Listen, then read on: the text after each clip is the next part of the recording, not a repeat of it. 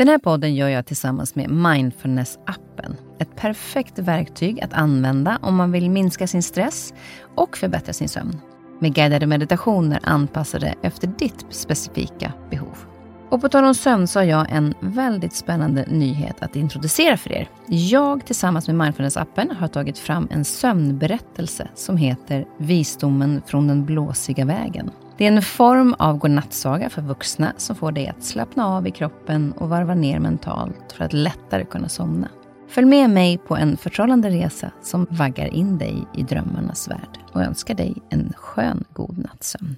Så att så länge som en kvinna fortfarande tjatar, som män brukar säga, tjatar, eh, bråkar eller hur du nu vill se på det, eh, då finns det liksom hopp. Det är när hon har blivit tyst. Mm. Det är inte för att det har blivit bra, det är för att då har hon gett upp. Du lyssnar på en podd från Perfect Day. Veckans avsnitt gästas jag av influencer, feminist, debattör, kommunikatör och föreläsare Fi Lindfors. Hon har i höst kommit ut med sin bok Big Dick Energy som är en bok för de som vill veta hur man gör en kvinna, citat från Fi, kåt, glad och tacksam. Fi har ända sedan hon var liten varit framåt kring rättvisa och att alla ska bli behandlade lika. Oavsett vilket land man kommer ifrån, vilken uppväxt man har eller om man är man eller kvinna. Fi fick idén till den här boken när hon kände frustration över att vi kvinnor och män har så svårt att förstå varandra. Varför fastnar vi i tjat, vardag, tappad sexlust och skilsmässor när det egentligen är så enkelt som att vi bara kommunicerar lite bättre? Det här blir ett samtal om den ultimata guiden till vad vi kvinnor vill ha och hur vi kvinnor och män kan tänka för att förstå varandra bättre. Välkommen Fi. Tack snälla. Alltså, så härligt att ha dig här. Din eh, nya bok Big Dick Energy eh, som kom ut för ja, drygt en månad sedan, slutet på augusti. Ja. Eh, ja, vad ska jag säga? Alltså, jag har ju skrattat väldigt mycket när jag har läst den. Eh, och jag tänker att vi liksom, det handlar ju om eh, män och kvinnor och kommunikationen och du vill att mannen ska få den ultimata guiden så att de förstår vad vi kvinnor vill ha. Ja men exakt, det är ju ambitionen då med den här boken. Mm. Mm. Och jag tänker att så att de som lyssnar vet att vi pratar kanske väldigt mycket utifrån vad vi tycker att mannen ska förstå om oss. Mm. Eh, sen kan det ju hända att vi kvinnor bör förstå en del om mannen också, men jag tycker faktiskt att man lär sig en hel del om mannen i boken.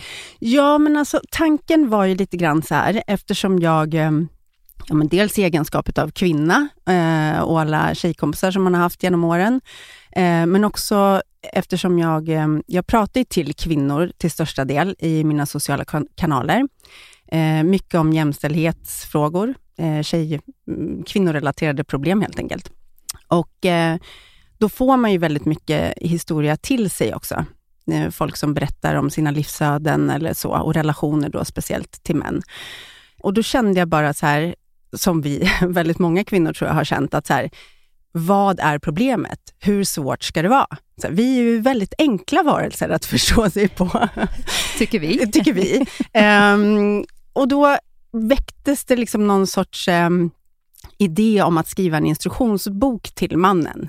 Eh, fast eftersom män då lite så här, raljerande inte läser instruktionsböcker, så eh, gick det ganska mycket energi åt att liksom försöka fundera hur man kan paketera det på ett bra sätt. För det är inte meningen att det här ska vara liksom någon pekpinne eller att man ska slå någon i huvudet med det här, utan det är ju verkligen en genuin önskan från mig om att män ska förstå kvinnor bättre så att kvinnor kan bli gladare helt enkelt. Exakt, och sen tycker säkert männen på många sätt att vi borde förstå dem bättre, men det lämnar vi liksom, det kanske kommer in lite grann i, i snacket, men, men det är framför allt där som vi eh, en hjälp till männen, så att de liksom ska fatta vad, vad vi behöver. Ja, men lite så. Jag tänker också så att det finns ju någon sorts... Eh, när man ska skriva en bok i någon sorts sånt här ämne, så får man ju generalisera väldigt mycket. Det är ju så det blir.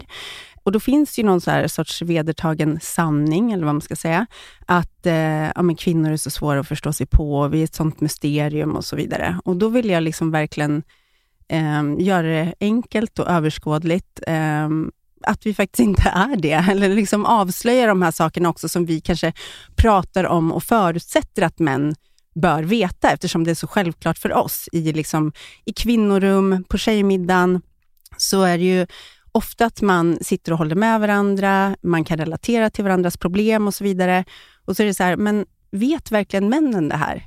Alltså det är så självklart för oss att vi kanske bara förutsätter att det borde de också veta och ha koll på. Det här kommer bli en sån här bok som alla kvinnor köper till sina män i julklapp. Det är väldigt många som har skrivit det faktiskt. Det är så? Ja, verkligen. Eh, det här ska jag bort som present och väldigt mycket så här, till min exman också. Ja, den är rolig. Ja. Varför tror du det? Ja, men det var en tjej som sa det väldigt fint. Hon kom fram till mig när jag, eh, jag hade en signering och då sa hon så här, kan du eh, bara skriva så här att det här är allt jag har velat säga men aldrig fick ur mig på ett bra sätt. Och Det var en väldigt fin komplimang. Hon hade, liksom, hon hade läst boken innan och så köpte hon ett ex då till sin exman. Det är så bra. Ja. Det är så bra. Eh, vi ska ju prata o- om boken, men bara för att man får lite eh, hum om dig också. Jag tänkte, Mm. liksom, när du, för du verkar ju vara, när man läser om dig, en, en som verkligen går in i där du tycker att det är orättvist och liksom, eh, oavsett det här med jämställdhet med kvinnor, oavsett var man kommer ifrån. Har, var du så även som liten? Ja, jag har liksom alltid varit en sån som har tagit extremt illa vid mig när det kommer till orättvisor, vad det än har handlat om. Jag vet inte om det är någonting som är medfött eller vad det är för någonting, men jag vet att jag, mamma har då berättat för mig också att jag tror att jag var sex år gammal när jag skulle liksom skicka mina kläder till barn i Polen. Eh, jag tog min veckopeng och skulle, vad det nu var, eh, till någon välgörenhet och så vidare. Eh, och har liksom alltid stått upp för saker. Och då kan man tänka, för jag får ibland den här, men var kommer modet ifrån? Eller hur vågar du? Och, och jag ställer mig ganska så här oförstående till det, för att jag ser inte det som mod, utan det är bara något jag måste göra. Det är, Det är dig en bara- självklarhet. Ja, Liksom. men verkligen. Jag tror till och med, det var någon kille när jag gick i skolan som eh, blev retad eller mobbad. Och vi var inte liksom kompisar, det var inget sånt. Men då kan jag eventuellt ha kastat en stol på någon och, och, fick, och fick hamnade lite i trubbel. Liksom. Men jag har bara aldrig kunnat. Jag blir så här, du vet, från noll till rasande på en gång när jag ser eller hör någonting. Så att ibland kan man ju önska kanske att man inte gick igång så hårt, för det har ju satt mig i vissa situationer som kanske har varit lite mindre trevliga och sådär. Men jag vet inget annat sätt att vara på. Mm. Men sen jobbar du också som modell i, i över tio år. Mm. Kunde du uppleva där någonting också kring det här med, om nu pratar man och kvinna, att liksom med, att det inte är så, att man behandlas olika? Absolut, men eh, och jag tror också, nu har väl branschen också som sådan blivit bättre, hoppas jag. Jag slutade ju modella 2008, 2009 kanske. Då, då var det väl kanske ännu värre än vad det, vad det är nu, men, men ja, absolut. På vilket sätt då, skulle du säga? Alltså rent hur man behandlades som modell när jag jobbade, det var ju väldigt så här, ehm, man gick runt till exempel med sin portfolio, som var alltså med sina bilder, eh, på castingar och så kunde man träffa då klienter till något företag eller så man skulle jobba för. Och då kunde de sitta och bläddra i den här boken framför en och så satt de och pratade med varandra om så här, eh, nej hon har fula tänder eller eh, hon har nog lite för tjocka lår eller, och så satt man där och fick höra liksom, vad de, vad de, en recension live helt enkelt om ens kropp och utseende. Men hur hanterar man det under så många år? Ja, det är ganska hårt. Det är ett hårt klimat. Eh, det jobbigaste tycker jag nästan var att eh, när man kom in till agenturerna, för man hade ju också uppskrivet då sina mått, modellmått. Man mätte runt bysten, midjan och eh, höfterna. Och då skulle man ju hålla sig till de måtten. Eh, så att när man kom in ibland på agenturen så kunde de dra fram måttband och kontrollera och vara så här, nej, nu har du, hur snabbt kan du gå ner fem kilo eller vad det nu kunde vara. Liksom. Och så fick man bara inte äta på några veckor. Men det gjorde du i tio år i alla fall. Du, eh, det var, kanske yrket också gav dig någonting, eller? Alltså som väldigt mycket i mitt liv, tror jag, ett tag, ehm, så halkade det liksom in. Det har varit lite grann så här, oj, nu gör jag det här för att det hände. Eh, det var väldigt mycket så. Och jag var ganska trött på, ehm, jag kommer från Eskilstuna, flyttade till Stockholm direkt efter eh, skolan och ehm, blev scoutad på stan och var väl lite så här, vad ska jag göra, ska jag plugga vidare? Vad, liksom. Och så fick jag bara det här erbjudandet om att och modella lite grann. Tänkte så här, ja, ja, vill någon betala pengar för det? Jag kan väl liksom... kan väl göra. Liksom. Och så är det så lätt att fastna i det, för att det är ju ändå ganska bra gager. Eh, man får resa och sådär. Eh, men det blir ju också... Det är en livsstil som, för det första är det inte speciellt sunt. Det är inte så roligt heller att vara i en, i en bransch där det fokuseras på yta så mycket. Jag, tyckte, jag hade väldigt komplicerad inställning till just mitt yrke och tyckte att det var jobbigt när folk frågade vad jag jobbade med. Och, eh, för jag var ju liksom smart. Lite så, eh, fördomar och så. Och sen är det ju väldigt ensamt. Jag reser runt i världen, jag tror att jag har varit i princip nästan överallt, eh, men jag har ju varit där ensam. Och det var innan sociala medier, det var innan eh, det gick att eh, ringa på mobilen utomlands ifrån, utan det var ganska tyst och, tyst och ensamt. Mm. Men du lärde dig en del i alla fall och växte på det kanske? Ja men absolut, jag tror att det gör man ju med allt. Och, mm. Men det har ju tagit, det tog ganska lång tid efter avslutad karriär också, som jag kände att jag också kan nästan stå för det. Det låter lite konstigt, men dels så var det lite så kompromiss med mig själv. För jag vet att redan när jag blev bokad till första jobbet så pratade jag med en kompis och var så här, jag vet inte, vill jag verkligen vara en del i den här industrin? Och jag var ju väldigt ung då. Vill jag verkligen göra det här? Och hon var så här, men herregud, du får ju liksom pengar för att åka och bli fotograferad i, jag tror att det var Sydafrika eller någonting. Hon bara, åk. Vem tackar nej? De bara så här, okej. Okay. Så det var ju hela tiden en väldigt ambivalent inställning till det här. Och sen så kände jag väl mer och mer på slutet att det liksom, ja men man höll sig till de här måtten, man ljög hela tiden om att man hade ätit fast man inte hade det. Så här, åtta på kvällen var jag så trött så att jag var tvungen att gå och lägga mig, man hade in, ingen energi, var konstant svält, eh, hade inte mens till slut. Och eh, vaknade någon dag och kollade min mobil och hade inte hört eh, någonting, liksom inget sms, ingenting från någon på två veckor och kände bara så här, om jag hade liksom trillat Från av. dina vänner då? Ja, familj och allting. De var inte att man inte var älskad, men man var ju aldrig där. Man ingick inte i någons vardag. Så att helt plötsligt kände jag bara så här, gud, jag hade kunnat trilla av planeten och ingen hade vetat om det på två veckor. Mm. Eh, och då kände jag bara, nej, nu slutar jag. Så det var inte så att det tog slut, utan jag gjorde Eh, jag gjorde liksom en exit och sa till agenturen, boka inte mig mer nu för att jag måste, eh, jag måste göra någonting annat.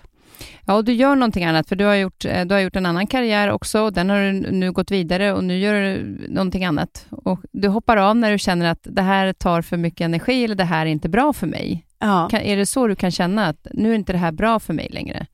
Ja, jag tror att eh, kanske inte vid första tecknet, utan det måste slås i huvudet på en ett litet tag. Eh, men, eh, ja, men just med modellkarriären så, så var det ju precis som jag beskrev det. Och så var jag lite rädd där, för att om man har åkt runt i tio år och aldrig varit på något ställe mer än två, tre månader, då blir ju det en livsstil. Och någonstans så kunde jag varje gång jag var hemma och träffade min syster till exempel, som fick barn väldigt tidigt och köpte hus och liksom gjorde hela det här, jobbade som sjuksyrra och ja, verkligen eh, lite Svenssonliv eller vad man ska säga. Kände bara så här, gud jag önskar att jag kunde vara nöjd någon gång. Så här, inte hela tiden söka, inte hela tiden nästa grej, utan bara kunna känna så här, wow, eh, här bor jag eh, med de här människorna eller i den här relationen. Men det har liksom hela tiden varit en, en jakt på något sätt för mig. Kan du landa i det nu då? Eller är det lite så fortfarande? Alltså jag blev ju lite tvingad till att bli still när jag blev eh, gravid. Och det, min första tanke var ju lite panik. Okej, okay, nu kommer jag ju inte kunna leva hippieliv, utan nu, nu får jag rota mig lite grann. Och jag hade ju så här, det var ju inte alls eh, speciellt eh, roligt att tänka på det i början. Eh, men det blir ju också ett sätt att leva till slut. Så nu, nu tänker jag nog inte på det som en, någonting fysiskt, att jag hela tiden är på väg någon, någonstans. Men däremot så är jag ju otroligt liksom, nyfiken, älskar nya saker, upplevelser och så. Så att då har man ju hittat liksom andra sätt att få de här kickarna, om man nu kallar det för det. Ja, det är inte platserna runt om i världen som längre är förändringen, utan det är ju bara att få barn, så sker det ju saker hela tiden som Exakt. är nytt för en. Alltså, mm. Från ett spädbarn till och med ett halvår är ganska stor skillnad. Då blir det ju någonting nytt. Gud ja. ja det ja. finns ju där hela tiden. Ja. Vi ska komma tillbaka till boken, det här då med kommunikationen mellan man och kvinna. Och eh, Om vi går tillbaka, så rent historiskt så har ju liksom samhället byggts upp mycket utifrån mannens perspektiv. Mm. Eh, du, har varit, du är inne på det i, i boken, men jag tänker också så här med, för också med uppfostran tänker jag, det här med att eh, man hör många gånger att nej men killar får inte gråta, men tjejer kan få vissa känslor. Mm. Vad tror du att det liksom gör att, att eh, vi är så olika? Är det liksom rent historiskt eller är det också fortfarande lite grann i det här med uppfostran? Alltså jag tror um, absolut rent historiskt, och jag vill ju också ha en positiv framtidstro och jag tror att de här frågorna har ju mycket ljus på sig just nu. Man tänker kanske en extra gång kring hur man pratar till eh, sina söner och sina döttrar och så vidare. Men det är ju någonting också som tar tid för att um, hur mycket man än vill tänka annorlunda och så, så är det ju väldigt mycket ryggradsmässiga saker. Jag kan ju komma på mig själv om att så här, eh, det är den här maten som serveras idag. Och så bara, men gud, var det där min pappa? Liksom. Eh, och så, och så får, man, får man tänka efter lite grann hur man pratar, eller varför säger jag sådär? Och, eh, så jag tror att mycket sånt sitter kvar. Eh, så att det kommer ta ett tag. Och sen så tror jag att det är det finns ju flera olika eh, spår där. Dels hur vi jag är inne på det mycket i boken också, att kvinnor har ju gjort en enorm utvecklingsresa i och med att vi har tagit oss ut i arbetslivet eh, och det har hänt otroligt mycket för oss. Men kollar man på männen så har det liksom inte skett en utveckling i samma takt. De har inte klivit in i hemmen på samma takt som vi har klivit ut ur dem, om man säger så. För det är fortfarande en skev arbetsfördelning i hemmet och så vidare. Så att det är ju på väg, men det, det går ju liksom långsamt. Är männen lite långsammare än kvinnor? Men jag tror, inte, jag tror liksom inte riktigt att man kan heller lägga ner det på det sättet. Jag tror att det beror på eh, det beror, beror ju på väldigt mycket alltså tusen olika saker sammantaget. Kvinnor, vi har ju till exempel alla gått i skolan, man har utbildat sig och förberetts på att liksom kliva ut i arbetslivet. Eh, och det har ju varit på, inte på individnivå, utan vi har ju gått i skolan. Mm. Eh, Medan det har legat på en individnivå att eh, lära mannen att kliva in i hemmet. Och det, blir liksom, det går inte lika fort på något sätt. För jag vill också tro att så här, jag har liksom haft den, för, liksom, den tanken jag har haft med mig när jag har skrivit boken, det är att det finns, de flesta män som har en partner vill ju att deras partner ska vara lycklig. De vill ju vara bra män. De, liksom, det är ju själva förutsättningen, tänker jag. Men, men det är inte riktigt det de tror att vi vill ha som, som det, det vi vill ha?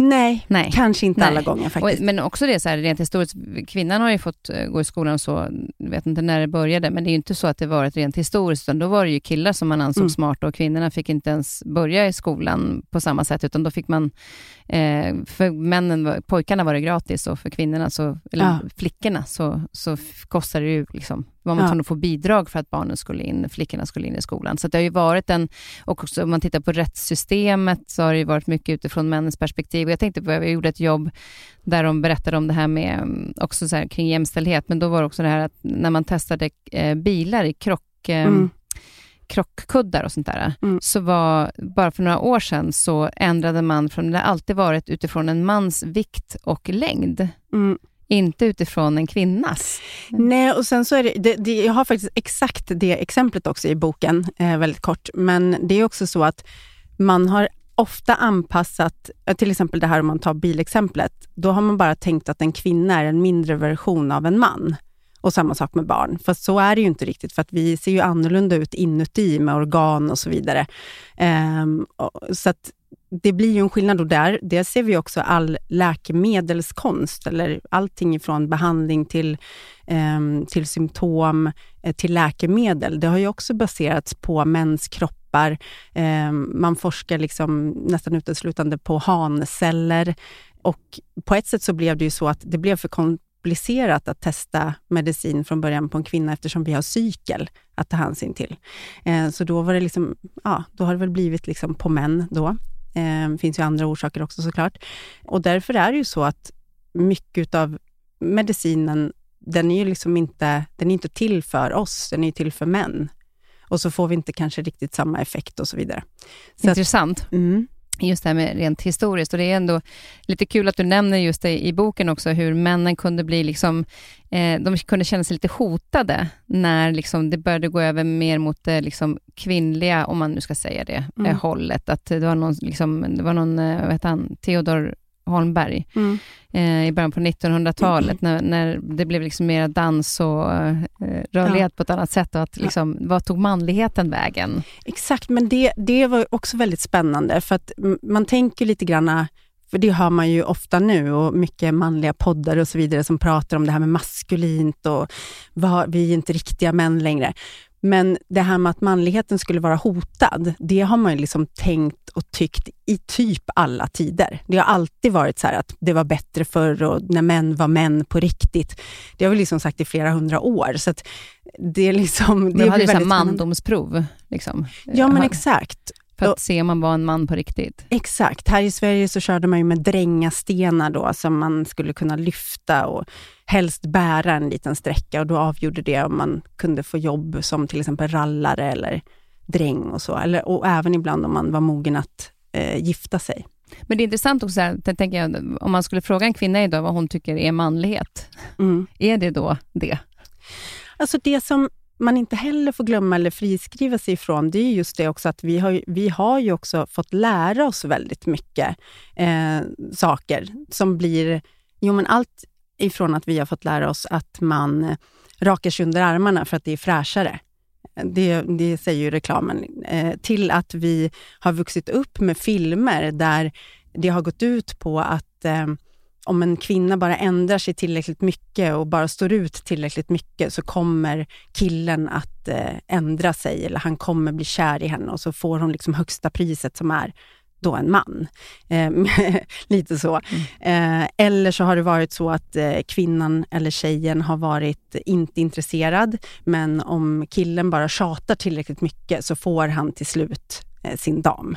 Och det här sätter ju såklart, det är ju så vi ser på vad liksom äkta kärlek är, eller vad som är romantiskt. Mm. Och då blir det ju att vi romantiserar det. Så det är så mycket saker som är Eh, det finns inga enkla svar på saker och ting och det, det går inte att säga till exempel att eh, män är så dåliga eller, eller hur det nu kan vara. Jag vet att när jag började hålla på med och verkligen dök in i jämställdhetsfrågor och feminism och så vidare, då var det ju ganska mycket raseri i mig över hur det ser ut och hur orättvist det är. Och det upprör mig fortfarande fruktansvärt mycket. Vi får sämre vård, eh, vi får tala mindre, vi får sämre lön fast vi är högre utbildade. Alltså det finns så otroligt mycket orättvisor på alla nivåer i samhället mot just kvinnor. Eh, rättssystemet som du var inne på också, eh, det är, vad är det, utav alla anmälda våldtäkter så är det knappt 5 utav våldtäktsmännen som blir dömda. Alltså det är i princip strafffritt att våldta i Sverige idag, 2023. Eh, och det är klart att man kan vara förbannad och arg över det. Eh, men samtidigt, och speciellt i, i arbetet med den här boken, så blev jag mycket mer vänligt inställd till män. För att det är inte helt lätt att vara man heller. Och ska man jämföra så är det klart att nej, generellt talat så är ju kvinnor då förtryckta på olika sätt eftersom det inte är jämställt. Men det betyder ju heller inte att det är hur lätt som helst att vara man.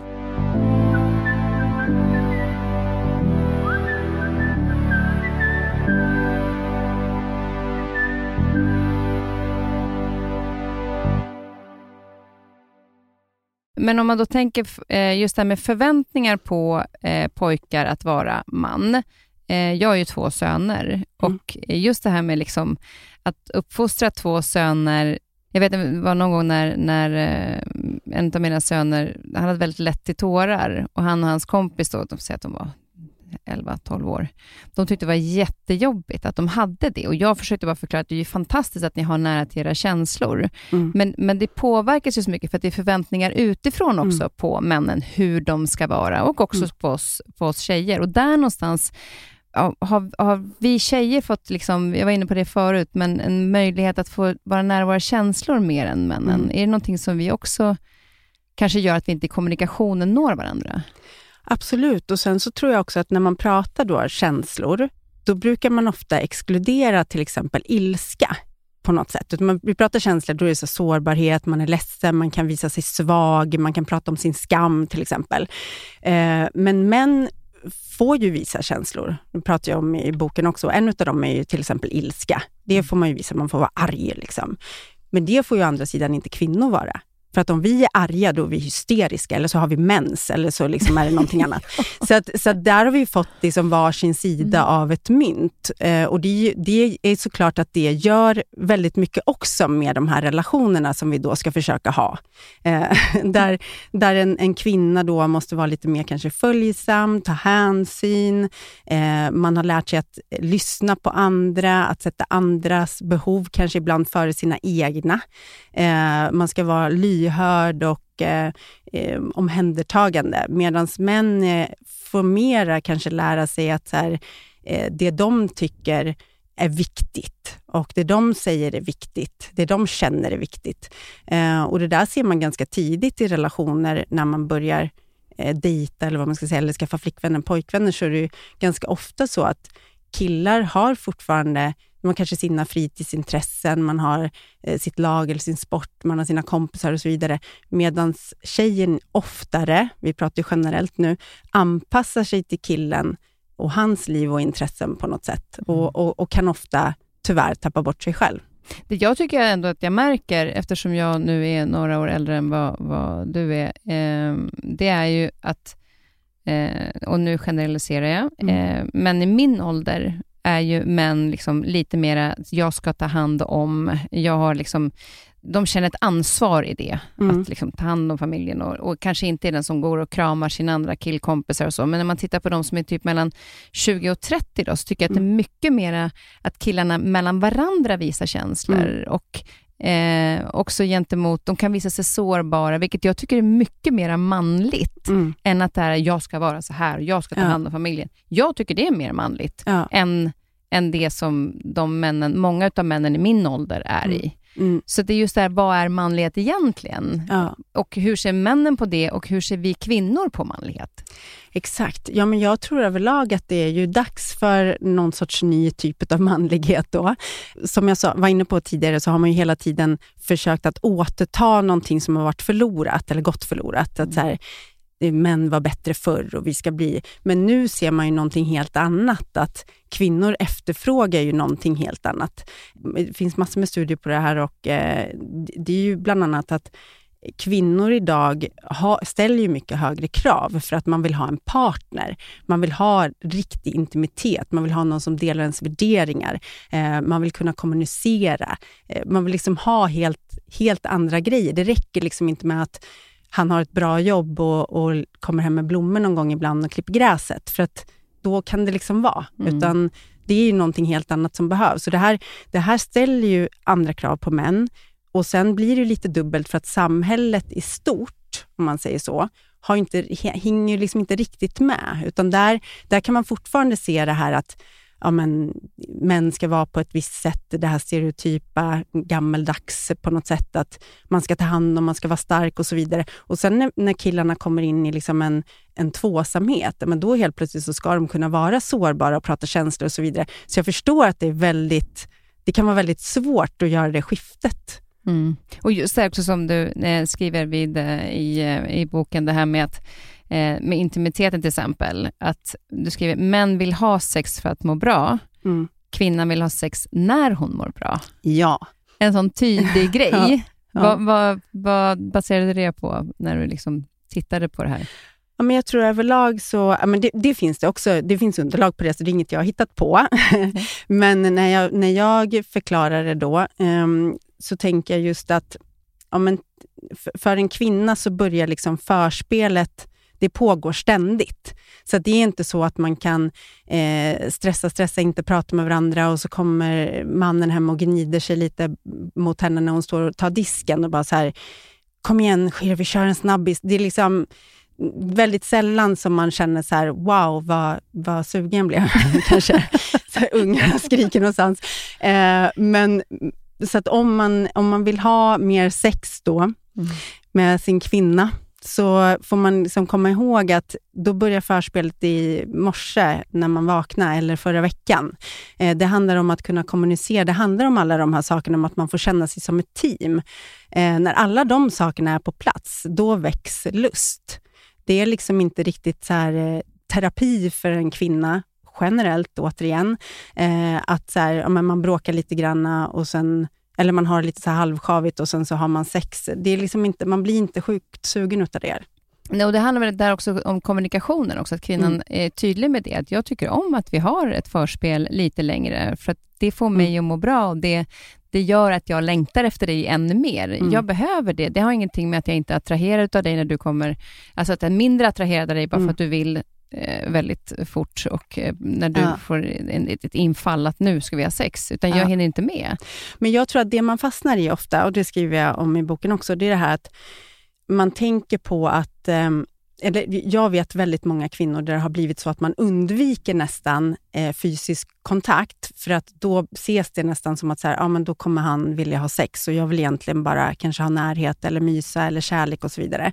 Och då blir det ju ett så här lite moment 22, för då, liksom, ja, men då slutar man kanske ta i varandra, Eh, man, man, är lite rädd för att väcka liksom den björn som sover, fast man egentligen kanske bara vill ha en kram. Och Det försöker jag också ta upp i boken, att så här, eh, till, tips till män, att så här, gå in med fysisk kontakt utan att eh, ha som syfte eller mål om att det ska liksom bli sex, utan bygga upp en annan typ av intimitet, för då kommer det andra lossna också utav sig själv. Mm. Och framförallt tänker jag också sen när man får, får barn till exempel.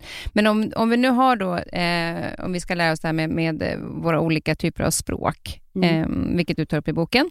Eh, kvinnans språk kontra mannen. Mm. Hur skulle du säga att det faktiskt skiljer sig åt i vårt sätt att kommunicera med varandra?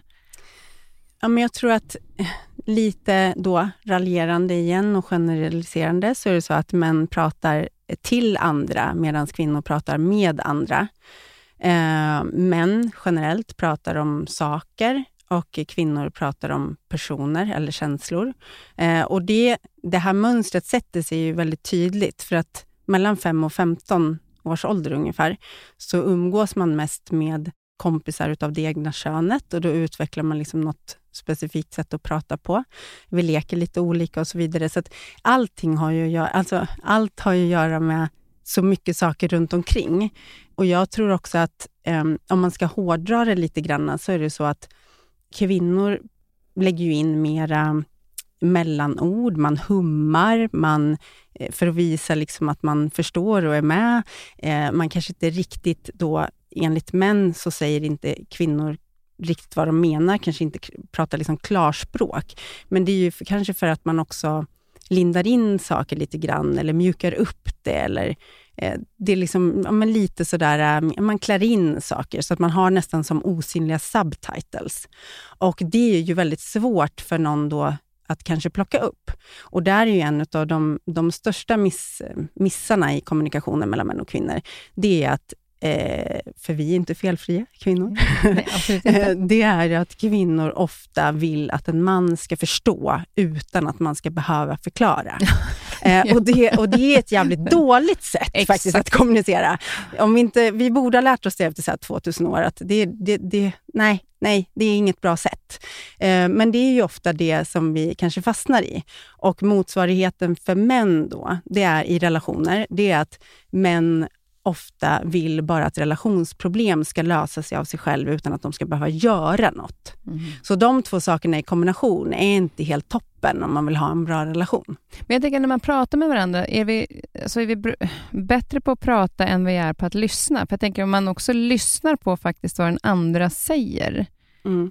Eh, så kanske, och inte bara sitter och tänker på hur ska jag svara på det här nu eller hur ska jag göra det här nu, utan att faktiskt lyssna in och säga att jag hör vad du säger, jag förstår vad du säger. Kanske inte riktigt överens, men jag, alltså, mm. att vi liksom respekterar varandra, att vi lyssnar på varandra. Är vi dåliga på det? Ja, det tror jag absolut. Um, det kan vi alla bli bättre på, att verkligen mm. lyssna. Men sen är det också en annan sak, att man ska inte heller tänka att någon alltid, eh, att man alltid ska ta någon ordagrant. Eh, det, det skriver jag också att eh, såvida en kvinna inte säger ja eller nej, för det är liksom det är verkligen ordagranna och det är ord som man verkligen ska ta på största allvar. Nej eller ja. Eh, men i övrigt så tror jag att vi vi är inga proffskvinnor på att uttrycka våra känslor bara för att vi har fått mer övning i det eller blivit mer tillåtna att eh, Eh, till exempel gråta eller vara svaga eller visa oss sårbara. Eh, och ofta kan det vara så att när man är i en relation, då, då, när det blir lite skevhet så med lite stolthet och det är känslor inblandade och, och så vidare. Man kanske är rädd för att bli eh, att någon inte ska ta emot en när man kommer med en rädsla eller så vidare.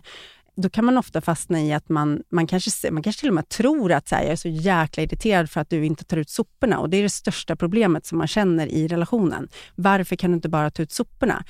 Men då kan man också tänka att det kan finnas någonting bakomliggande som handlar om att så här, jag känner mig inte som ett team. Det känns som att du bara tar mig för givet. Du vill att jag hela tiden ska ta ut soporna. Eh, varför är det inte viktigt för dig att prioritera vad jag känner och tycker, eller min tid? Varför är min tid mindre värdefull än din?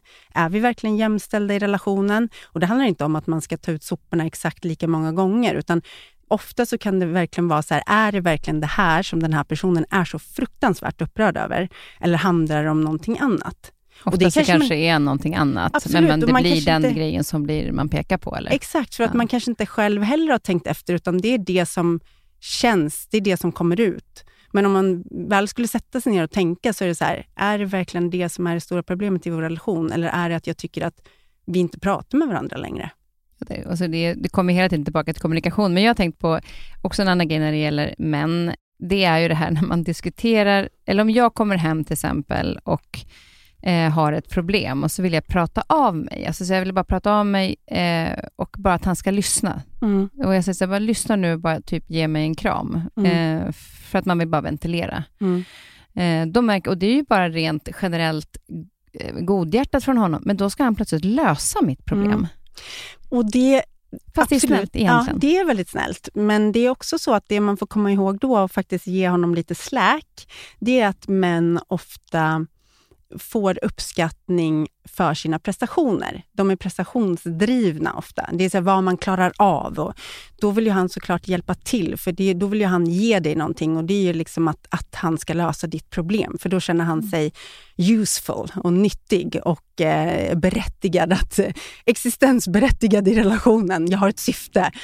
Så, så det handlar inte bara om att så här, Åh, jag orkar inte lyssna på det, jag vill bara lösa ditt problem, utan det handlar om att det har man inte heller fått träning i, att bara liksom kunna vara den här trygga liksom, platsen där man kan få ösa av sig och där man får en kram eller lite förståelse, eh, lite hålla med. Liksom. Och där tror jag också i och för sig att det kan hända att jag inte var så tydlig med att jag bara ville ha en kram, att han skulle lyssna, utan jag berättade bara om den här ja. situationen och då gick han in såklart, eh, för vi bara hjälpsam. Men ja. att jag också måste bli tydligare i min kommunikation. Ja. Att säga, vet du vad, du behöver inte lösa det här problemet. Det är jag som ska göra det. Jag vill bara prata av mig. Exakt. Så lyssna nu. Ja. Du ville egentligen att han skulle förstå det utan att du skulle behöva förklara det helt exakt, enkelt. Exakt. Men ja. jag har mycket, man har mycket att lära. Ja. Eh, när man då träffar någon, för vi pratar ju om relationer man och kvinna, så ska man ju då flytta ihop, man är nykär och allting är jättebra, men då, kanske är, ju, då är man ju på varandra hela tiden plötsligt. Hur ska vi få ihop det då, när man, när man liksom ska bo ihop och dela vardagen? Vi är lite inne på det, att man liksom kommunicerar bättre och att man ser till att det inte handlar om soppåsen. Men kan vi liksom krångla till det lite grann ibland och vad är det som ofta är svårigheten?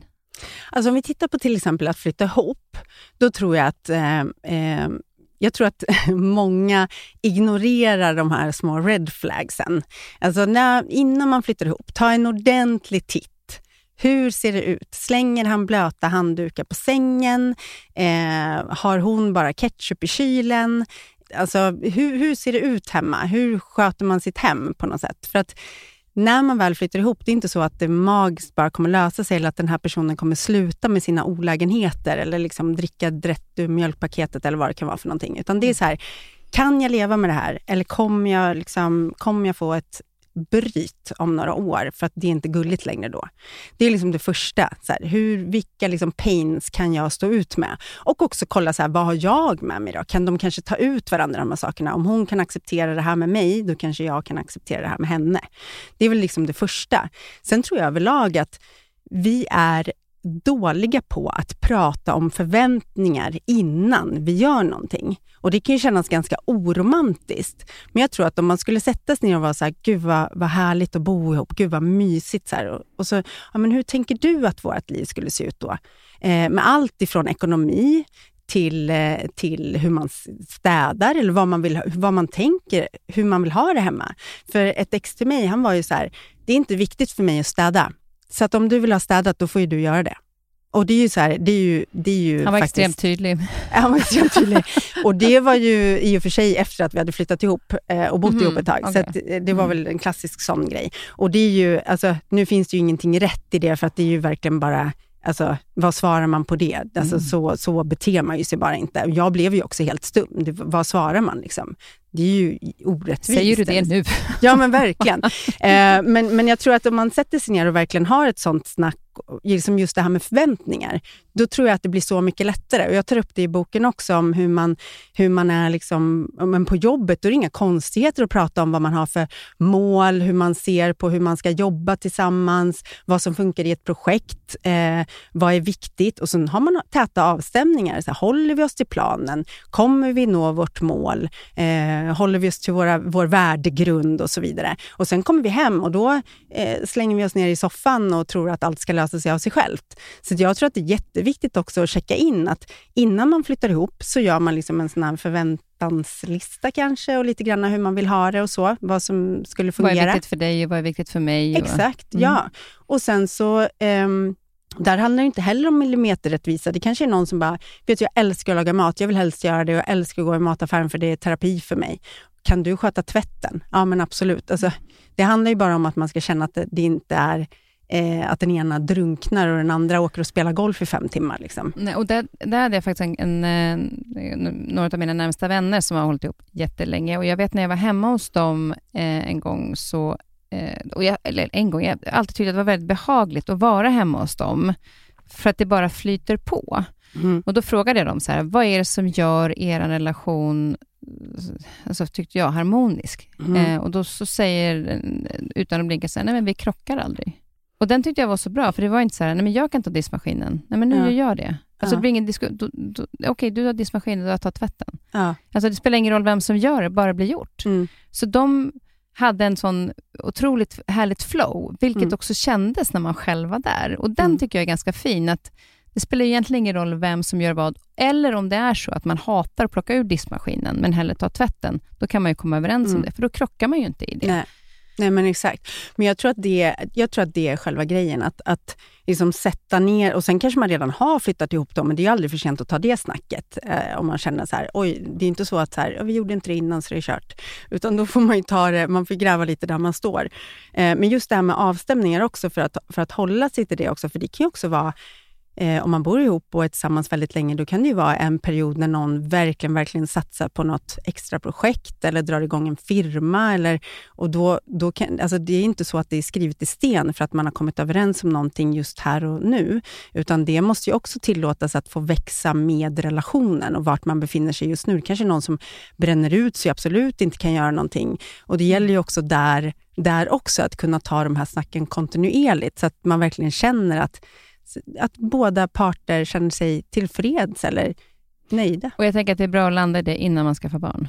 Verkligen, för där har vi också en sak som, som faktiskt är... Eh, för jag har fått frågan flera gånger nu också och jag, jag tar upp det i boken väldigt mycket, men det handlar också om att vi har ju lite olika förutsättningar där eftersom kvinnan då bär på barnet. Och får man till amning så blir man kanske den då som initialt får lite mer tid, eller vad man ska säga, att lära sig barnets signaler eh, med hunger och så vidare. Och man kanske är den som är hemma först ofta och så. Även om mannen skulle dela 50-50 så brukar det ju liksom börja så på något sätt i alla fall. Och då har ju kvinnan, ingen vet ju vad man gör när man skaffar barn första gången. Alltså alla är ju verkligen eh, nybörjare och det är ingenting som är inbyggt på något sätt eh, heller. Och då tror jag att det är så lätt att hamna riktigt snett där, för att man, man vill göra det perfekt. Många kvinnor kommer kanske in och blir lite så tigermamma och vill ha det liksom på sitt sätt och, och vill ha kontroll på saker och ting. Jag känner igen mig jättemycket i det. Jag kan skämmas lite när jag tänker på att jag var lite i början att så här, nej men jag, jag kan byta blöja för att då blir det liksom bra på något sätt. Eh, och det är inte så jävla charmigt för att ja, då, då skapar man ju också en snedställning som man sen lite senare kanske faktiskt ångrar. Um, och där är det väldigt lätt för män att, att ta en lite mer tillbakalutad roll kanske, för att man själv är, man är osäker. Eh, kvinnan kanske kliver fram lite mer och då kliver man själv bak lite. Och med det sagt så är det ju inte så att som kvinna, att man ska behöva tjata på sin partner att han ska vilja ta hand om barnet eller dela lika. Eh, det, ska ju, det ska ju komma därifrån, men jag tror att det är så jäkla lätt också att det blir så snett.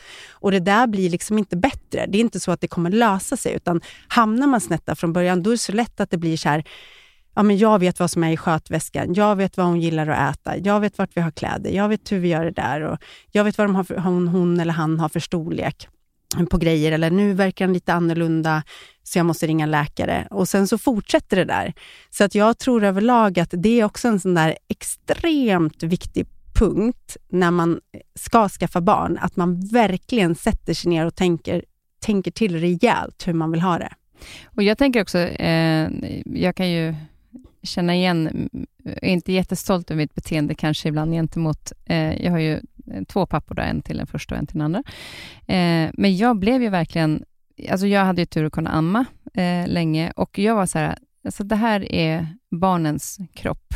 Aha. Don't even go ja. there.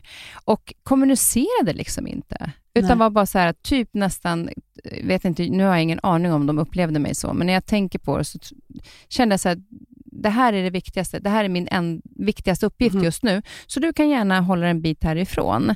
Vilket är extremt eh, egoistiskt och jävligt avståndstagande istället för liksom det här inkluderande. Ja. Eller säga, vet du vad, det känns så, och det trodde jag inte innan jag fick barn. Jag trodde Nej. liksom, men med hormoner och allting som händer när man också får barn, att jag inte sa, vet du vad, jag känner att jag är så här. Mm. Jag ber om ursäkt, men ja. just nu så är det här så himla viktigt, för att också någonstans hjälpa mannen in i det. Ja. Och kanske nu hade jag väldigt förstående män då kanske på den fronten, så att de blev ju inte arga. Men jag kan själv känna att, att jag inte, varför kommunicerade jag inte den känslan? För den, den var ju som att det var jag som bara, ja. det, här är, det här är vi två nu, framförallt de första kanske tre månaderna. Mm.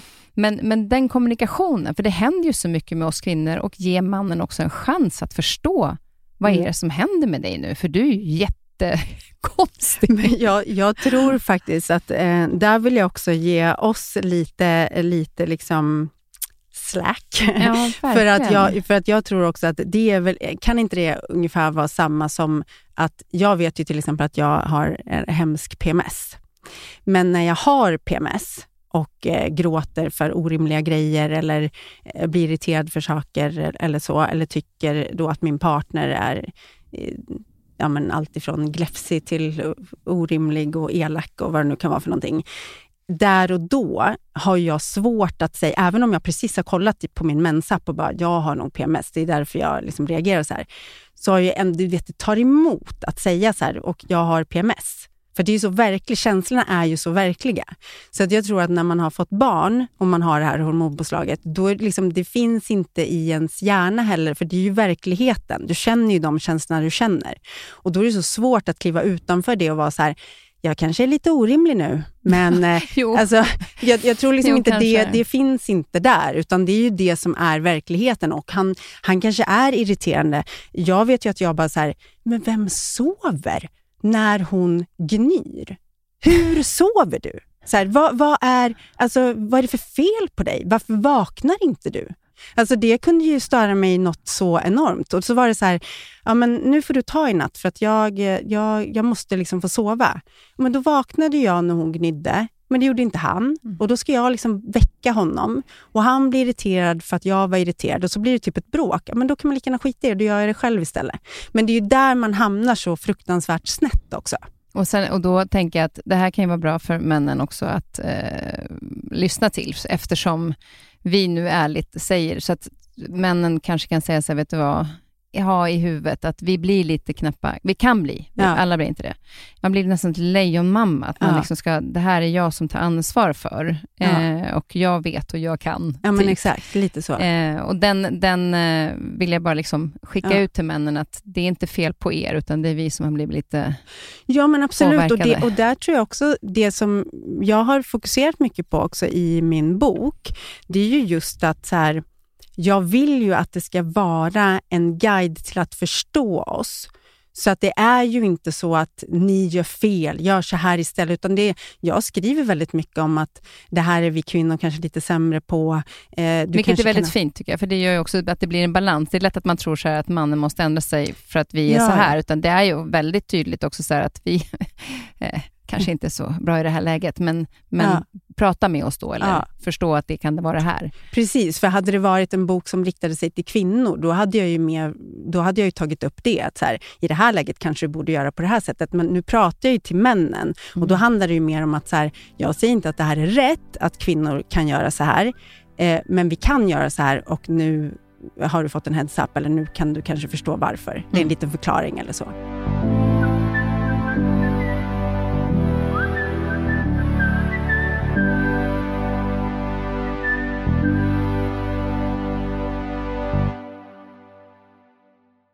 Men, men sen är det då att förhoppningsvis så, så fortsätter ju relationen länge och allting blir bra, men det är också så att det kan bli eh, separationer, eller framförallt det kan börja med bråken, för det skriver du också om. Tycker du att, har vi svårt det här med bråk? Ja, men det, på olika sätt? Absolut, och jag känner eh, totalt igen mig i din beskrivning, förutom att min pappa då Eh, eh, jag kan bara beskriva honom som att han är väldigt finsk. Så det var inte så, alltså, han, var, han sa ingenting förrän han typ exploderade lite och sen, sen sa han ingenting igen. Så det var väldigt, ja, det, det, var, det var väldigt, eh, in, det fanns inga konflikter hos mig heller. Alla skulle bara vara, liksom, det skulle bara vara trevligt och, och jag, jag blir lite så här, tomten är far till alla barnen, nej så nu ska vi inte bråka och det är så trevligt. Alltså, det var lite så hemma. Eh, så att jag känner verkligen igen mig i det och jag tror överlag att just det här med att tolka allting som ett bråk, Eh, det tror jag vi, har ganska, vi är ganska snabba på att göra överlag, generellt, både män och kvinnor, att så här, och nu blev det ett bråk. Liksom. Istället för att tänka att det här är en diskussion som hjälper till med förståelse. Oj, vad häftigt att vi tyckte lite olika här. Det här kan vara ett tillfälle för oss att växa som par eller komma närmre varandra. Och börjar man skifta sitt mindset till det istället, att så här, oj, här blir en chans att lära känna både henne bättre, men också mig själv. Hur reagerar jag när hon säger de här sakerna? Ligger det någon sanning i det här? Och varför alltså, blir jag så arg? Exakt. Har det med henne att göra eller någonting annat? Ja, så jag tror att det är, eh, det är nog kanske liksom ett litet trick, att eh, försöka tänka på det som ett tillfälle att, att växa. Mm. Och att det inte handlar om att man vill göra slut, utan att man vill bara så lösa ett problem någonstans. För det uppstår ju på grund av att det är att jag tycker att det här är ett problem, vad fasiken, och så tar man det och så lyssnar man inte då backar som jag gjorde. Mm. Då blev ju det liksom det blev ju inte en kommunikation, det blev en monolog, för jag ja. hittade inte ord. Liksom. Jag blev Exakt så jäkla bara, åh, mm. okej. Okay. Ja. Eh, och så kunde jag till och med, om jag skulle ta upp någonting, då kunde jag gå så planera så här länge, så här ska jag säga och så här ska jag formulera. Och så började jag och så var den mannen då i den här frågan då mycket bättre på att kommunicera liksom, mm. och kanske rösten blev lite starkare, varav jag bara, allt jag hade planerat försvann. Ja, ja. Du beskriver ju, jag, förlåt att jag skrattar, men du beskriver verkligen mig. Alltså, verkligen. Så att när jag, också när jag skrev den här boken så blev det lite så ironiskt att jag då skulle ha ett så kapitel som heter Bråka smartare. Ja, jag älskade det. Eh, ja, och det, mm. det, var verkligen så här, bråka smartare, så bara, vad vet jag om det här? Eh, men jag har också lärt mig väldigt mycket senaste åren egentligen och jobbat väldigt mycket med just det och tycker att det är väldigt liksom, spännande och intressant. Och jag tror där, för mig, om jag ska ta en personlig historia, så, så blev det så mycket enklare för att de relationer som jag har haft tidigare, då har jag kanske också sökt män som inte heller har velat prata känslor riktigt, för då blir det ju mycket skönare. Då slipper man ju det. Liksom. Mm. Eh, vilket kanske inte är optimalt, då, för man utvecklas ju inte heller, eller man behöver inte ta tag i sitt problem då. Men efter separationen till barnens pappa så var jag så här, nej, men vänta nu här. Hur många framgångsrika relationer har jag i bagaget? Ah, men ingen. Här, vem har varit på brottsplatsen varje gång? Jag. Mm. Okej, okay, kan ligga någonting. Det är kanske jag som måste göra någonting här. Alla andra kan ju inte bara ha fel. Liksom. Och när jag träffade min partner, eh, som jag har nu, så det som utmanade mig själv redan från början och sa så här, eh, ja, men de här sakerna tycker jag är viktiga, eller eh, det här är viktigt för mig, det här är, så här vill jag ha det, utan att liksom lyssna på... In, jag vill inte anpassa mig, jag vill bara säga jag vill inte ändra mig, utan så här tycker jag. Sen kan man kompromissa, absolut.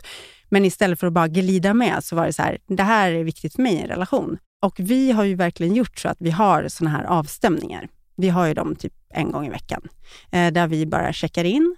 Eh, vi ser till att vi inte har bråttom någonstans. Eh, det kanske är en, en kväll eller en tid på dagen eller så vidare. Och då brukar vi faktiskt till och med säga att ja, men ligger på någons arm, så, här, så, att man ändå har lite kroppskontakt. Och för mig har det varit lättare att istället för att sitta mitt emot varandra och titta varandra i ögonen, vilket jag tycker har varit jobbigt när man pratar känslor, eh, så har det varit ganska skönt att ändå så här, man har kroppskontakt, vilket främjar också att man inte behöver brusa upp så mycket. Det är lättare att vara liksom mjuk när man har det. Och sen behöver man inte titta på varandra, utan man kan, liksom, mm, man kan gömma sig lite så och ändå prata. Så det har varit perfekt. Så bra tips för de som har svårt för det. Eh, och Sen har vi stämt av och varit så här, mm, då har vi nästan grävt upp grejer. Så vi har kallat det för att så här, små stenar kan bli till större stenar som kan bli till murar och helt plötsligt så har man kommit jättelångt ifrån varandra. Så vi tar liksom upp sådana saker att, vet du, ehm, det kommer jag inte på något specifikt, men det kan till och med vara så här, jag tyckte, när jag ringde dig, jag tyckte du var liksom... Jag, jag, jag, vet inte, jag kände mig ganska avvisad igår, det här samtalet. Eller, det kan vara mm. vad som helst, en liten grej bara. Och så pratar man om det och hur man kanske säger, aha, okej, okay, ja, men jag var ganska stressad, men jag ska tänka på det till nästa gång. Och vi kanske kan göra så här istället, men är det bättre att skicka ett sms? Alltså, bara vad det nu kan vara. Det kan vara pyttelitet och det kan vara något ganska stort. Eh, och så dammar man liksom av det och kommer till någon sorts eh, plan framåt. Så här, hur kan man göra nästa gång? Okej, okay, ja, men jag kände så här. Och så utforskar man det lite grann. Och Det som har varit väldigt skönt i det, det är att det där som du beskriver, att när man hamnar i en situation där jag ska ta upp ett problem till exempel och sätta en gräns, för det har ju varit svårt för mig att sätta så här, det här gillar inte jag, eller att stå upp för mig själv lite grann. Alltså, har jag verkligen rätt att känna så här? Förtjänar jag verkligen det här? Eller kan man bli så här arg för en sån här grej? Är det rimligt? Och så ska man ta upp det och sen får, hittar jag inte riktigt orden och sen har den andra parten varit så här, ja men säg hur du vill ha det nu då. Nu får du faktiskt berätta och varit lite så på. Då blir jag, du vet, jag bara börjar stamma och stänger ner helt totalt för jag hittar, min hjärna stänger liksom ner. Jag blir så stressad. Så det som har varit väldigt skönt eh, i det här, det är ju att han, han är väldigt så här, liksom tyst och lugn, ingen stress. Och så bara okej, okay, och man hör att han lyssnar. Och då kan jag liksom få en chans också att när jag säger det först så kanske jag hör själv att kanske inte riktigt var sant. Och så provar jag en gång till, så här, mm, kanske faktiskt är så här jag känner och det kanske beror på det här. Och så får jag prova lite teorier och liksom känna mig fram och komma fram till vad det är jag egentligen känner, när han bara är där och inte stressar.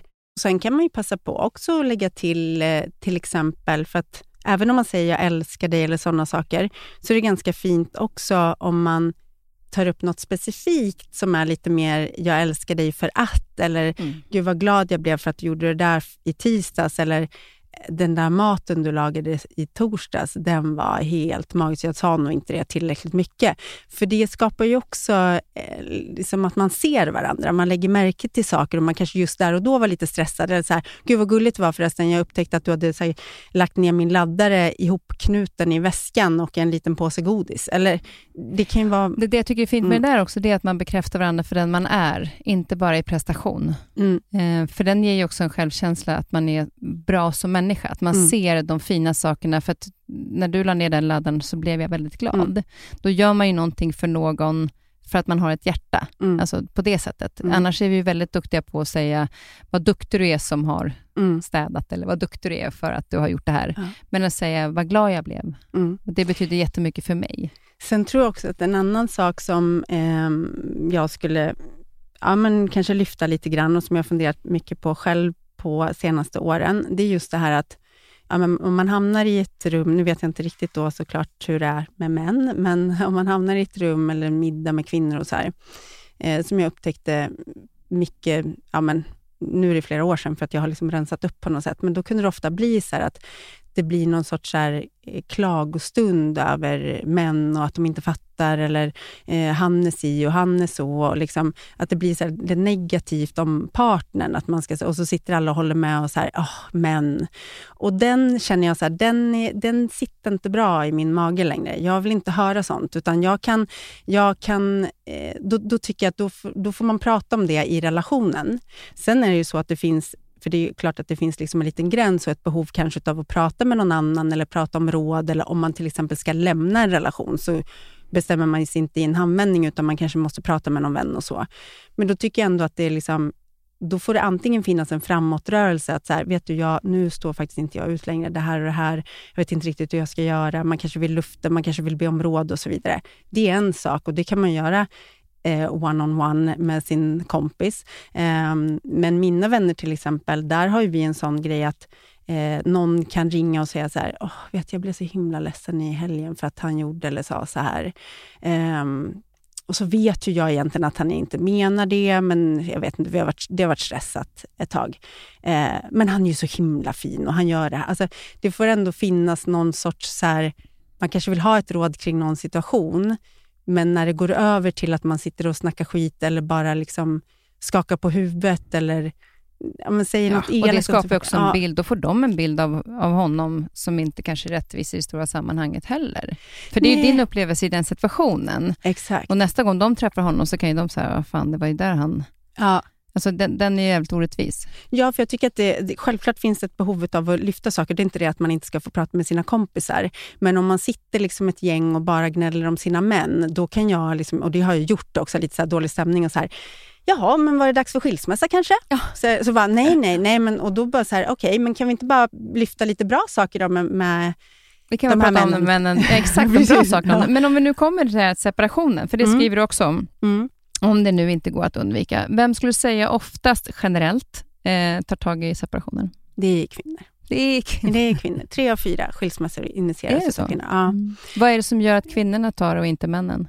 Eh, det finns eh, faktiskt studier på att män inte mår lika dåligt i dåliga relationer, om man säger så. De mår liksom inte eh, de mår inte lika dåligt av slitningar i en relation. Och då, kan man ju, då blev jag nyfiken på att ta reda på var, varför är det så. Eh, och min teori då är att eh, eftersom män går tillbaka till det här, inte har tränats i att kanske uttrycka sina känslor, känna efter ordentligt, utan man, man kör på, det funkar. Ja, men det är lite så här ett tag. Eh, man vill att problemen bara ska lösa sig av sig själv utan att man ska behöva ta tag i det. Man, man kör ner huvudet och hoppas att det går över. Det kanske blir bättre på semestern eller till jul eller någonting.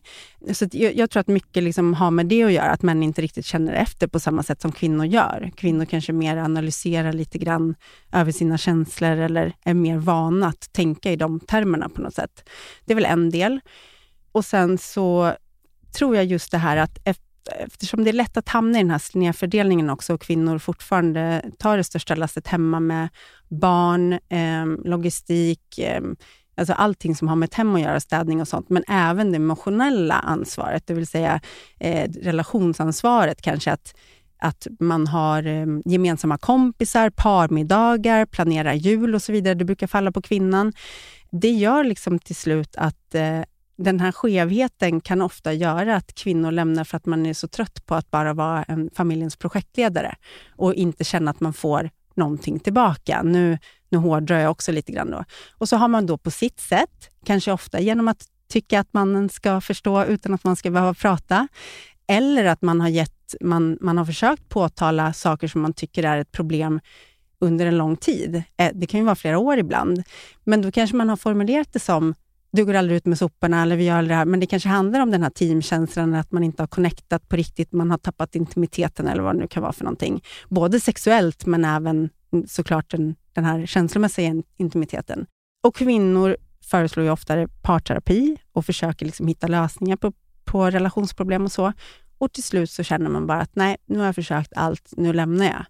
Eh, och det och som då är, säger mannen att, va? Ja, Va? Ingen, fattar ingenting. Fattar ingenting, jag förstår ingenting. Jag hade en, en kollega som kom till mig en gång och sa så här, eh, jag är helt chockad, liksom, vi har varit gifta i 25 år tror jag det var. Och hon, i helgen så sa hon att hon ville skiljas och vi har ju det jättebra. Vi, vi, det är ju ing, alltså jag vet inte vad som har hänt, jag fattar ingenting. Och nu sa jag ju inte det, men jag tänkte så här, ni, nej, ni har inte haft det bra på jättelänge. Och hon har säkert sagt det flera gånger, men du har inte lyssnat. För det är liksom det klassiska. Så tipset till mannen är ju där att vara lite mer lyhörd då, så att det inte blir som en chock, utan att man kanske kan vara med och påverka det innan, om det är så nu, eftersom det är då tre av mm. eh, fyra som, som mm. oftast kvinnan initierar till ja. det. Om man, om man ska bryta upp Mm. Eh, det, det är ju aldrig lätt. Nej. Hur gör man det på bästa sätt? Alltså det man får komma ihåg första, det är ju att ingen lämnar ju en relation för att vara elak. Det är väl kanske nummer ett. Så här. Det är inte för att jävlas, utan det är ju för att man själv inte vill vara kvar utav olika anledningar. Och Det andra man kan komma ihåg, speciellt om man har barn, det är ju att faktiskt bara tänka att man ska försöka göra det så bra för barnen som möjligt. Skit i dig själv i första läget, utan det är så här, hur gör vi det här så bra som möjligt för våra barn?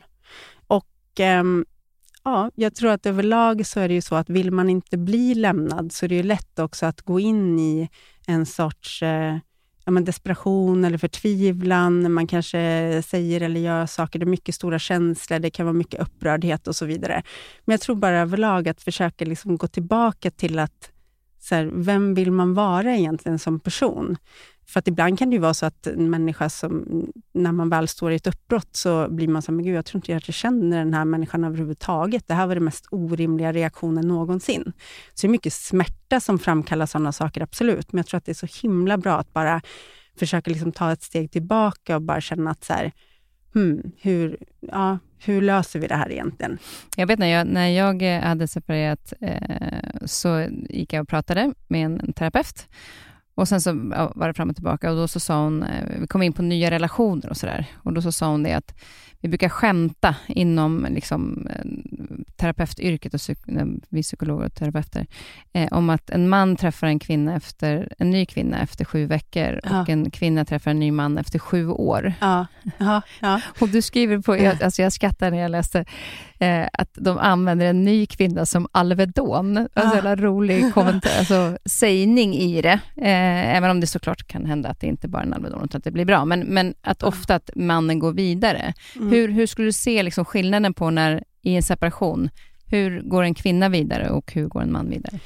Alltså, ja, där skämtar jag också ganska mycket om just det, för att man brukar liksom kunna säga att så här, men en kvinna så här, ja, men tre veckor efter separationen så har hon liksom ett nytt mysigt inrett hem, ett nytt jobb, en ny frisyr och har gjort liksom en glow-up, medan mannen liksom, eh, sitter där och inte förstår någonting med sin tv-apparat, sin bil i en tom lägenhet. Eh, och, och det, tyvärr så, så ser det ofta ut så. En av de förklaringarna är ju också att för mannen, och det här kan också vara en orsak till att de inte väljer att lämna, så är det liksom kvinnan man lever med den närmsta relationen som man har, eftersom män då generellt inte har så många andra djupa, nära, meningsfulla relationer generellt. Mm. Och också då, om kvinnan har tagit det här sociala ansvaret för deras sociala kontakter och så, så brukar det vara så att när man separerar så har kvinnan en hel Eh, liksom kör av människor som står med öppna armar och hjälper till och nära kompisar och så vidare. Medan mannen kanske ofta blir väldigt ensam. För han har liksom haft kvinnan, det är hans nästan enda relation. Nu hårdrar vi lite och så här. Men där kanske finns några grabbar som är så här, ja, det är bara att gå ut och ragga upp någon, vi tar en öl, dunk, dunk i ryggen. Liksom. Eh, och Det är klart att det finns jättemånga fina män, så det är inte det, men nu pratar vi generellt. Eh, så att jag, jag, tror att det kan liksom vara så att man, det enklaste då för en man att må bättre, det är ju att skaffa en ny kanske då som Alvedon eller ett plåster eller vad man nu vill kalla det för. Eh, Medan kvinnan är bara så här, oh, gud, vet, jag har lagt så mycket energi på den här relationen, så jag vill typ aldrig mer ha en relation. Hur ofta har du inte hört det? Jag har ju sagt det själv också. Aldrig mer. Jag ska bara så här, ha 200 krukväxter eh, och liksom käka glass framför Netflix och aldrig mer dejta. Liksom, jag är så färdig. Så att jag tror att det, det blir liksom en en sorts skillnad där. Och sen också ser ju mannen då plötsligt att kvinnan går och blir så här jätteny frisyr och bara steppar upp och han bara, varför vill hon inte göra det när hon var tillsammans med mig? Ja, men jag tror att hon hade gjort det om han hade steppat upp. Det är det jag som är det. grejen. Ja. Definitivt. Mm. Jag fick faktiskt en jättefin story nu från min syster som har en, en kollega på jobbet som har Ja, hon var ganska under isen ett tag och sa att de skulle separera då, och de har barn tillsammans, den här kollegan och mannen. Eh, och nu får jag skryta lite grann, för hon hade börjat lyssna på min bok och tyckte liksom att det här är ju exakt det här jag velat säga till honom, men han vill inte lyssna. Så hon började sätta på valda delar av boken väldigt högt, typ när hon lagade mat och så här, Smart. hängde tvätt och så. Mm. Och eh, Hon hade faktiskt kommit till min syster, det var bara några dagar sedan som jag fick reda på det här, och sagt att så här, det har blivit en helomvändning hemma och eh, han har inte sagt att det är för att han har lyssnat eller hört något. Hon bara, men jag kan nästan 100% säga, var har han annars fått det ifrån? Liksom. Så att hon sa det att jag fortsätter så här, då tror inte jag att vi kommer skilja oss. Nej, vad häftigt. Mm. Så att så länge som en kvinna fortfarande tjatar, som män brukar säga, tjatar, eh, bråkar eller hur du nu vill se på det, eh, då finns det liksom hopp. Det är när hon har blivit tyst. Mm. Det är inte för att det har blivit bra, det är för att då har hon gett upp och då mm. kan det ofta vara för sent. Men jag tänker på egentligen då, det förhandlar ju ändå om kärlek. Hur svårt kan det vara att visa kärlek? Egentligen. Vi kan ju göra det ganska enkelt för oss, mm. att våga visa varandra det. Och också ta emot det kan jag känna. Mm. Många gånger kan du visa kärleken, men du tar inte emot den. För du Nej. är ovan vid det också kanske? Exakt. Ja, men jag tror det. Um, ge kärlek, det har nog jag varit väldigt bra på genom livet. Uh, men vi kan ta en sån enkel sak som att eh, ja, men jag kan massera någon men när det är dags för mig att få massage, då blir jag nästan så här, gud nu får han säkert ont i händerna eller nu, och det var lite obekvämt, han kanske egentligen inte vill massera mig. Så jag kan aldrig njuta av det, utan det har varit en sån grej där ja, men jag ger, jag ger, men jag nej, inte ta emot. Och, så att absolut, vi måste bli bättre på, på både och. Eh, men jag tror generellt så är det så här med relationer. Man hittar sin drömpartner, eh, och tänker så här, nu har jag hittat hem. Nu har jag hittat rätt. Liksom. Jag är så kär, det här är mitt livs stora kärlek. Och så gör man som en Disneyfilm och bara, and they live happily ever after. Fast så är det ju inte, för det, det, det är då jobbet med relationen börjar.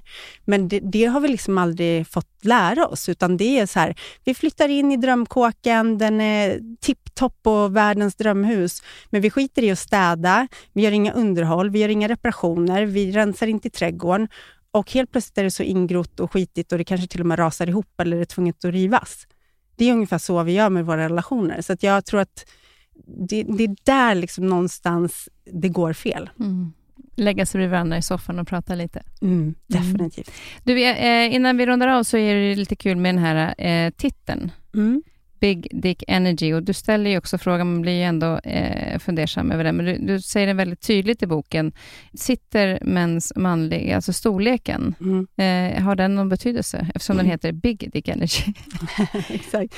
Eh, jag tror grejen var lite grann så här, att eh, eh eftersom jag ville att det skulle vara en bok som man kan ge bort som present utan att det känns som en förolämpning. För jag vill hävda att man måste ha lite big dick energy för att kunna ta till sig och läsa boken som man.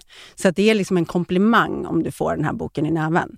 Eh, så det var ju tanken liksom bakom titeln egentligen. Eh, men big dick energy för mig, det är ju någonting som både kvinnor och män kan ha. Det har ingenting med liksom könets storlek att göra överhuvudtaget, utan det handlar ju om att kunna stå tryggt i sin egen sanning eh, att vara öppen för att lära sig nytt om sig själv och andra eh, och att bara vara eh, en inkännande och öppen person. Mm. Ja, den är, jag tycker den är otroligt härlig bok. Eh, jag har både skrattat och eh, fått tänka till, eh, vilket är väldigt roligt. Jag är i ingen relation, men det är väldigt bra för mig att läsa den nu, eh, för att jag hoppas att jag träffar någon såklart. Men, eh, men det var en bra, bra hjälp på vägen.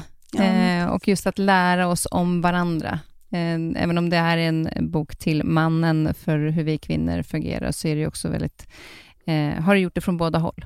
Eh, mm, tycker jag. Snälla. Verkligen. Mm. Men jag måste också fråga om teckningarna i boken, för du ja. har ju haft några stycken som Bingo Rimér, Kodjo Color, Camilla Läckberg och Ann Södlund bland annat, har ju ritat snoppar till olika kapitel. Ja. Var kom den idén ifrån? Eh, alltså egentligen kan man säga att eh, jag tycker det är så fruktansvärt roligt med paketering, för det har jag jobbat med väldigt mycket, alltså marknadsföring, kommunikation och så vidare. Eh, och då kände jag lite grann att så här, det hade varit väldigt roligt om eh, liksom jag frågade folk som jag då tycker besitter Big Dick Energy på olika sätt, om de vill ge ett litet bidrag till boken. Och jag kan säga att de här konversationerna kring det här, det skulle kunna bli en egen bok. För att det blev väldigt så här, hur stor ska den vara? Ja, hur stor har du? Eller liksom, ja, blev den fin? Ja, din dickpic var väldigt fin. Och så bara, jaha, dickpic. Ja, men du vet, det har bara spårat där. Och samma sak när jag skickade, jag skickade ut boken då som tack såklart till de som har bidragit eh, med sina eh, snoppritningar, bilder, konstverk. Eh, och var så här, eh, tack för, för dickpicken. Liksom. Den, den var jättefin. Så, så det här har bara eskalerat på något sätt, men det var bara en väldigt rolig grej och jag hoppas att det kan också vara en, en sån sak som folk bara tycker är lite det är lite roligt. Liksom. Ja, men det blir det när man kommer till ett kapitel och sen så börjar man skratta först för att man säger, ja, det här, så här har de ritat den. Ja, men ja. väldigt, väldigt härligt. Hur ser hösten och vintern ut nu? Är det några fler böcker på gång? Eh, det är fler böcker på gång. Eh, det är ju ganska långa ledtider, eller vad man ska säga, när man skriver bok. det tar ett tag. Men, så det är på gång och sen så är jag ju ute och föreläser ganska mycket och nu kommer det också en föreläsning på det här temat. Så det är mycket Ja, men mycket, mycket sånt, tänker jag. Om man vill boka dig som föreläsare, var hittar man dig då? Eh, by Writers agentur. Mm. Där är jag. Och talaragentur som har bara författare. Och sen finns du på Instagram där du skriver mycket. Sen finns jag på Instagram och där kan man ju, där kan man ju följa. Det är väldigt, eh, väldigt högt och lågt skulle jag säga. Men väldigt roligt ja, att följa. Vad är du nyfiken på? Eh, ja, men jag eh, är ju nyfiken på allt egentligen. Jag tycker ju att... Eh, jag, jag, jag, tänker bara att man aldrig är fullärd och allt är bara liksom spännande. Inte, inte allt såklart, men mycket är spännande. Eh, det är nog min livsfilosofi lite grann, som ett barn. Så här, att eh, Jag vill bara upptäcka, jag vill lära mig nya saker hela tiden om allt. Så det dyker upp nytt hela tiden? Ja, men verkligen. Jag tycker mm. alltid att det är lite så här, dagen innan julafton. Så här, vad ska hända idag? Eller vilka människor ska jag möta? Och, Härligt ändå. Mm. Men är det ofta så också när du blir nyfiken på någonting, att du verkligen går in i och tar reda på att du kan liksom gå in ja, i det då? det är det som är lite grejen. Eh, och Det har ju också varit mycket av det jag gör på Instagram till exempel. Att när det är något ämne som dyker upp eller någon delar något eller man läser någon nyhet, det kan vara om politik eller vad som helst, så blir jag så här, hmm, stämmer verkligen det här? Och sen så fem timmar senare har jag läst eh, statistik, rapporter, någon forskning, någon, någonting och så är det ett så rabbit hole och så kommer jag ut fem timmar senare och bara, jaha. Eh, så det är ju lite min grej. Jag älskar ju det. Spännande. Det ska bli otroligt kul att följa dig vidare och se vad nästa bokprojekt blir. Men nu ska vi njuta av den här först och främst, mm. Big Dick Energy. Eh, för vi ska sluta med en låt som mm. du har mm. fått välja. Ja, just det. Ja. ja, egentligen är den inte speciellt representativ för min låtsmak eller musiksmak kanske i övrigt. Eh, men eh, jag kan lämna det också som ett tips. Att eh, man ska tänka på en låt som gör en glad eller på bra humör eller lite så sprallig. Eh, och så kan man spela den här låten varje morgon eller när man är på väg till jobbet eller så vidare, så sätter liksom det lite tonen för dagen. Eh, jag använde, ganska, jag använde det ganska mycket en period och då var det just den här låten som bara ploppade upp. Och Först tänkte jag så här, nej men gud, kan inte vara den här låten för att jag skulle liksom, kan ju vara något lite mera jag vet inte, lite, lite bättre eller jag vet inte. Men den här gör mig glad och då fick det bli den. Och det är? Brown Eyed Girl med Van Morrison. Då tar vi och lyssnar på den. Stort tack för att du kom. Tack snälla.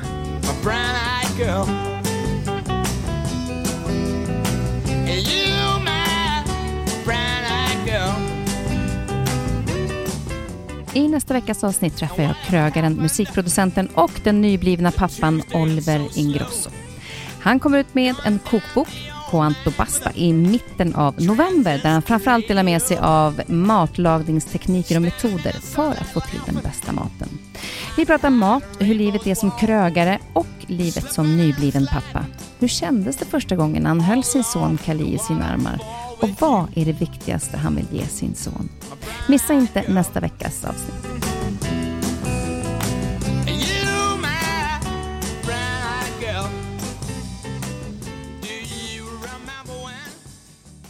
Den här podcasten är producerad av Perfect Day Media.